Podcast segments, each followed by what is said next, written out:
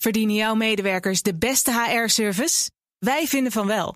Numbers combineert payroll met slimme HR-features. Bespaar kosten en geef medewerkers eenvoudig toegang tot verlof, declaraties en loonstroken. Probeer Numbers op nmbrs.nl. De vraag waarom de man eigenlijk de baas is, werd in de Mierpaal in Dronten in de Noordoostpolder door enige honderden vrouwelijke NVV-leden gesteld. Men kon er soms felle zelfkritiek horen. Maar waarom zijn wij vrouwen zo vreselijk bang? Waarom menen we dat we niet net zoveel capaciteit hebben als de man? Menen we dat we het niet kunnen leren? Of dacht je soms dat het de man allemaal aangewaaid kwam? Laten we niet alleen praten over dat ze ons de plaats niet gunnen, maar laten we zorgen dat we klaar zijn om zo'n plaats te bezetten. En laten Er is veel veranderd sinds 1970, ook als het om de gelijkheid van man en vrouw gaat. Maar de emancipatie is nog lang niet voltooid. De top van het bedrijfsleven bijvoorbeeld wordt nog voornamelijk bestierd door mannen. Alle streefcijfers, doelstellingen en ambities ten spijt. Bij partnerkantoren, die je bijvoorbeeld veel ziet in de advocatuur, is het verschil extra duidelijk te zien. In deze piramidestructuren stromen onderin meer vrouwen dan mannen in, maar naarmate de top dichterbij komt, verandert die balans. Hoe komt het dat die emancipatie in een groot deel van het bedrijfsleven achterblijft? En onder welke voorwaarden stoten vrouwen wel door dat glazen plafond? Mijn naam is Elfanie Toulaar en dit is De Week Voorbij, de weekendpodcast van het FD. Het zal niemand ontgaan zijn dat diversiteit een, eh, een, een breed spelend thema is in de samenleving. Dat was in 2019 eigenlijk ook al een beetje aan de hand. En we zaten te brainstormen over wat kunnen we daar eigenlijk mee. Uh, als we kijken naar een van de ecosystemen waar wij veel over schrijven, de Zuidas. Toen hebben we bedacht, we gaan uh, een aantal uh, prominente advocatenkantoren en accountsorganisaties gaan we enquêteren. Vragen ja. hoe staat het er eigenlijk voor? En dat hebben we toen gedaan. En dat heeft toen vier jaar geleden een interessant beeld opgeleverd. En nu hebben we dat nog eens een keer herhaald. Je hoort FD-journalist Joris Polman. Samen met collega Lisa van der Velde deed hij de afgelopen tijd, net als in 2019, onderzoek naar diversiteit op de Amsterdamse Zuidas. Daarvoor keken ze niet alleen naar de man-vrouw verhoudingen in de Raad van Commissarissen en de Raad van Bestuur, maar ook naar de diversiteit in de veel grotere partnergroep. In de afgelopen vier jaar blijkt er in die toplaag niet zo gek veel veranderd. Waar je hoopt verwacht dat we zo langzamerhand richting de 50% zouden kunnen gaan kruipen. Ach, het is 2023, waarom niet? Nee, dat is dus niet aan de hand. We hebben dus geteld bij 16 uh, firma's en dan komen we uit op uh, 1676 partners, hè, mede-eigenaren, aandeelhouders van, van, van deze bedrijven. Daarvan zijn dus 360 van de vrouwelijke soort. En ja, dat is eigenlijk best wel ouderwets. Heel erg weinig. ja. ja. Vier jaar geleden zeiden de meeste van deze kantoren zeiden al tegen jullie: we willen dat die verhoudingen beter worden, dat er dus meer vrouwen in de top komen. Hoe, waar zit het hem dan in dat dat zo langzaam gaat? Wat zeggen zij daarover? Er zitten een aantal, speelt, speelt een aantal effecten. Gewoon even puur een partner wordt benoemd voor langere tijd. Hè. Dus als jij eenmaal benoemd bent, dan kun je zomaar 20, 25 jaar partner zijn. Dus de vernieuwing van die groep is natuurlijk dat gaat langzaam. Hè? Maar goed, tegelijkertijd, we, we hebben ook gevraagd, hoe lang, hebben jullie allemaal uh, het Charter Talent naar de top getekend? Dat dateert alweer van 2008, 15 jaar geleden. Op 1 Wat is dat ook alweer? Nou, dat is, zo'n, dat is een soort, um, eigenlijk een intentieovereenkomst die, die bedrijven samen hebben afgesproken om ervoor te zorgen dat de top van de bedrijven diverser worden. Dat begint natuurlijk met, met man-vrouw verhouding, maar dat gaat ook over andere minderheidsgroeperingen. Nou, en, en uh, van de 16 firma's die we hebben ondervraagd, hebben 15 dat charter ondertekend, 15 jaar geleden. En je ziet dus eigenlijk dat ze nog steeds niet zijn waar ze zouden willen zijn. En om dat even wat scherper te stellen. In de wetenschap zegt men, op het moment dat jij in je, in je top minimaal 30% vrouwen hebt zitten, liever nog meer, maar dan, dan gaat er echt iets veranderen. Dan gaan vrouwen ook meer zichzelf zijn en je ziet ook nog dat veel vrouwen, als ze omringd zijn door veel mannen, dat ze zich dan assimileren, zoals een van onze experts dat uitlegt. Dan ga je eigenlijk jezelf aanpassen aan het gedrag van mannen en mee in de kleedkamerhumor en andere lolligheden, maar ook in het gedrag natuurlijk überhaupt, wat niet per se. Nou, en dat. bevorderlijk is voor meer diversiteit. Nee, en, en de wetenschap zegt ook, als jij, als jij uh, een divers samengesteld uh, team hebt, dan is dat ook beter voor jouw output, voor de resultaten die je kunt boeken en uiteindelijk ook voor de omzet en winst van jouw onderneming. Want je hebt meer creativiteit, mensen met een ander perspectief kunnen bijdragen aan innovatie. Uh, zo simpel is het natuurlijk wel. Als je allemaal dezelfde, als je allemaal Joris Polmannetjes op een rij zet, dan gaan wij, we zullen allemaal hetzelfde doen en we vinden elkaar fantastisch.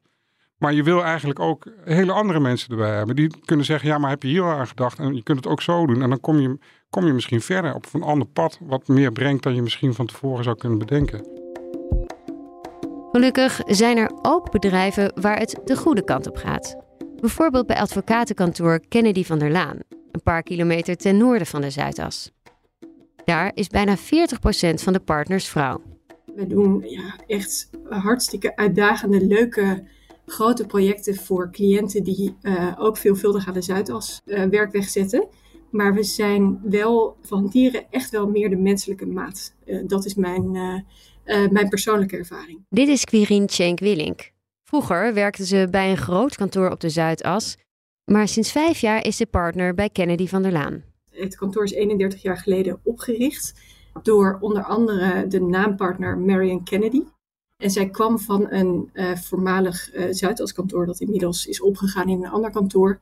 Maar ze wilde daar heel graag als parttime partner werken en dat lukte niet, want dat was begin jaren 90 uh, niet het bedrijfsmodel van grote advocatuur. En zij heeft toen met tien andere partners Kennedy van der Laan opgericht. Wat ook al natuurlijk bijzonder was voor, voor die tijd.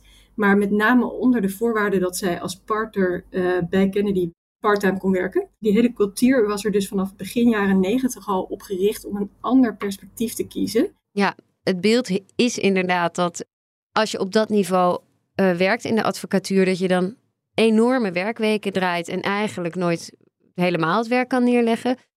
Is dat bij jullie dan anders? Nou ja, het, het, blijft natuurlijk advocatuur. Dat zeg ik eigenlijk ook altijd tegen mensen die komen solliciteren.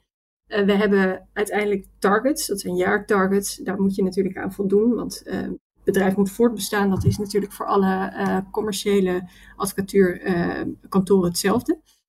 Maar die targets zijn aanzienlijk lager dan de targets aan de Zuidas. dat, dat weet ik ook omdat ik daar zelf heb gewerkt. Dat betekent dat je overall een veel betere, of ja, betere, dat is natuurlijk een oordeel dat ik zelf heb, maar in ieder geval een veel ruimere werk-privé-balans hebt. Maar jij werkt als partner, werk je ook part-time? Nee, ik werk fulltime, maar er zijn wel aan andere partners bij ons die wel parttime werken. En dat is dus ook uh, een goede mogelijkheid. Uh, daar wordt dus uh, al vanaf het begin in voorzien. Dus mensen doen dat ook al heel lang. Dat zijn overigens niet alleen vrouwen, het zijn ook mannen die part-time werken. Is die diversiteit ook echt meer diversiteit en meer vrouwen in de top? Is dat een, een van de redenen waarom jullie model zo is ingericht? Dat die targets lager zijn? Ik denk dat het bij ons niet zozeer is dat we enorm op zoek zijn naar meer vrouwen. Hè? Want overal in de cultuur zie je wel dat veel vrouwen starten. Uh, maar het is met name gericht natuurlijk op het retentiebeleid. Want je ziet elders uh, bij andere kantoren dat er meer vrouwen uitstromen. En dat, dat Kennedy kennelijk beter lukt om de vrouwen te behouden die, uh, ja, die uiteindelijk doorstromen als partner. Ik denk niet dat het beleid en de targets er echt op gericht zijn om vrouwen aan te trekken, maar wel om een bepaald type aan te trekken of een bepaald soort mensen. dat een net andere mindset heeft dan de mindset van de mensen die aan de Zuidas werken. En hoe is die mindset dan anders? Wat ik zelf merk is dat als je in een bedrijf echt kunt zijn wie je bent, en dat betekent dat je niet allemaal hetzelfde hoeft te zijn, hè? dat je andere achtergronden kunt hebben, dat je andere denkbeelden kunt hebben, een andere politieke voorkeur, andere hobby's. Ik, uh, ja, weet je, je kunt om heel veel verschillende redenen anders zijn. Je kunt toch in zo'n grote groep zijn wie je bent. Uh, dan ben je op je gemak en dan ben je dus ook volledig jezelf.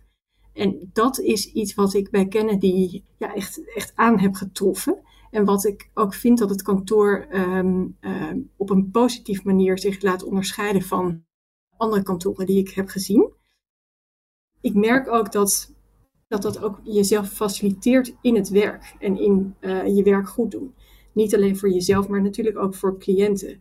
Want als je ten eerste niet tot aan je nek in de financiële target zit maar gewoon ruimte hebt om naast echte advieswerk ook de tijd te kunnen nemen om een cliënt beter te leren kennen. En je kunt ook nog volledig jezelf zijn, omdat je daarin gefaciliteerd wordt. Uh, ja, dan voelt ook een cliënt dat. En dat heb ik anders gezien aan de uh, Zuidas, waar partners bijvoorbeeld twee calls tegelijk deden om hun targets maar te kunnen halen en alle cliënten tegelijk te servicen. Als je nog op de Zuidas had gewerkt, was je dan ook partner geworden, denk je? Nee, nee ik wilde dat uh, niet. Ik was er counsel. ik vond dat een heel fijne functie. Ik heb er echt een, een heel goede tijd gehad, ook hele leuke herinneringen aan. Um, en ik had het niet willen missen. Maar ik wilde heel duidelijk geen, uh, geen partner worden daar. Uh, met name omdat ik heb gezien hoeveel tijd dat kost en hoe weinig privé, uh, ja, privé tijd, tijd voor jezelf uh, je overhoudt.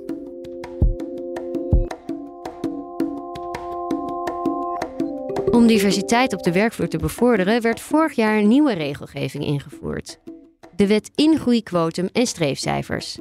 Die schrijft onder meer voor dat de 5000 grootste bedrijven vanaf oktober dit jaar publiekelijk moeten rapporteren over de man-vrouw verhoudingen in de top.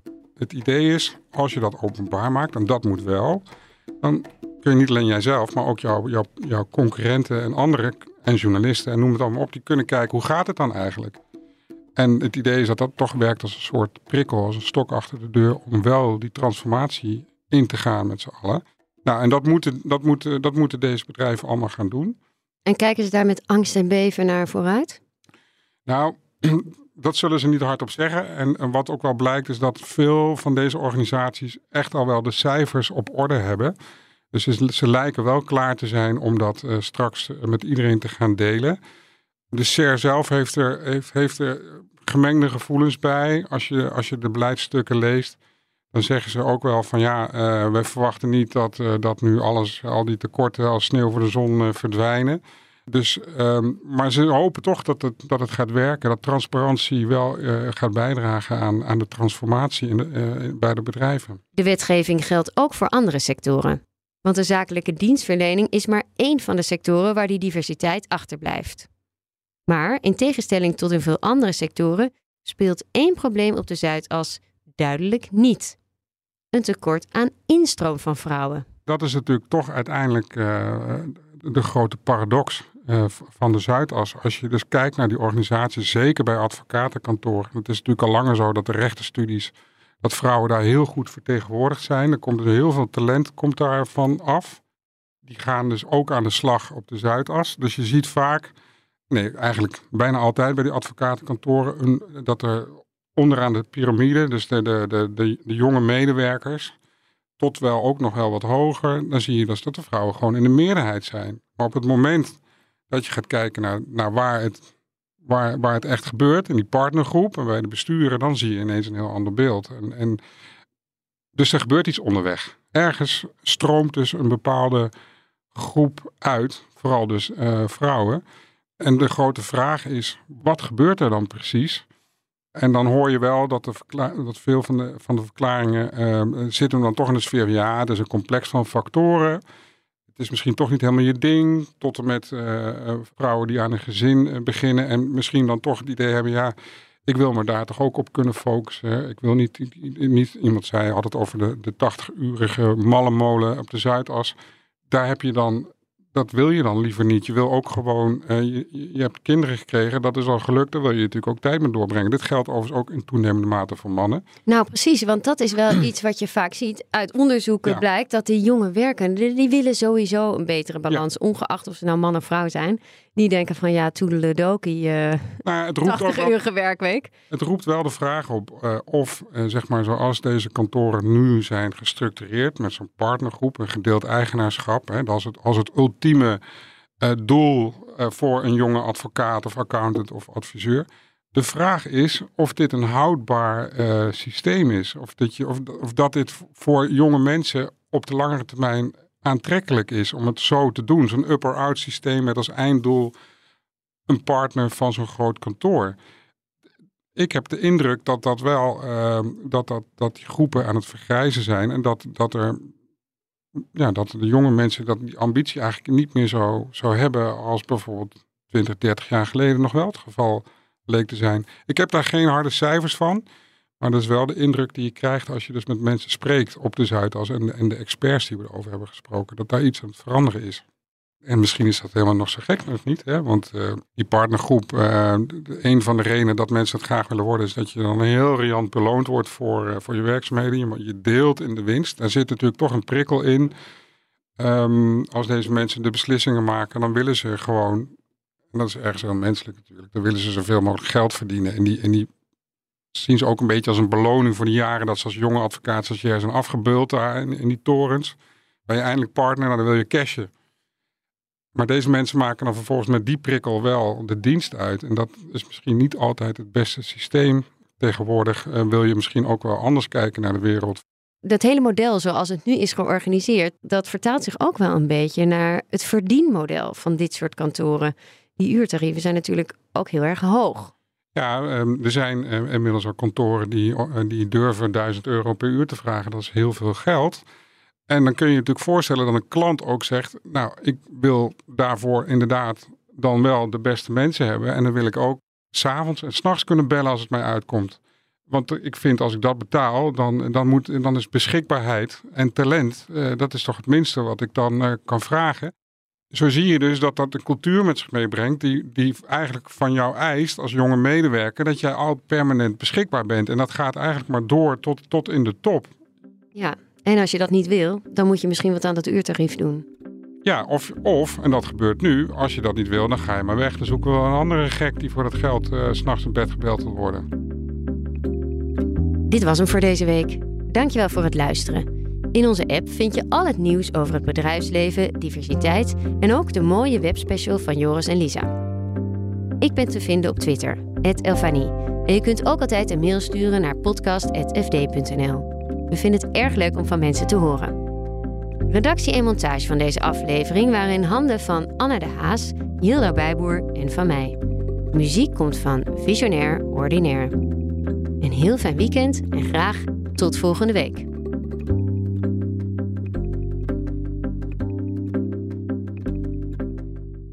Verdienen jouw medewerkers de beste HR-service? Wij vinden van wel.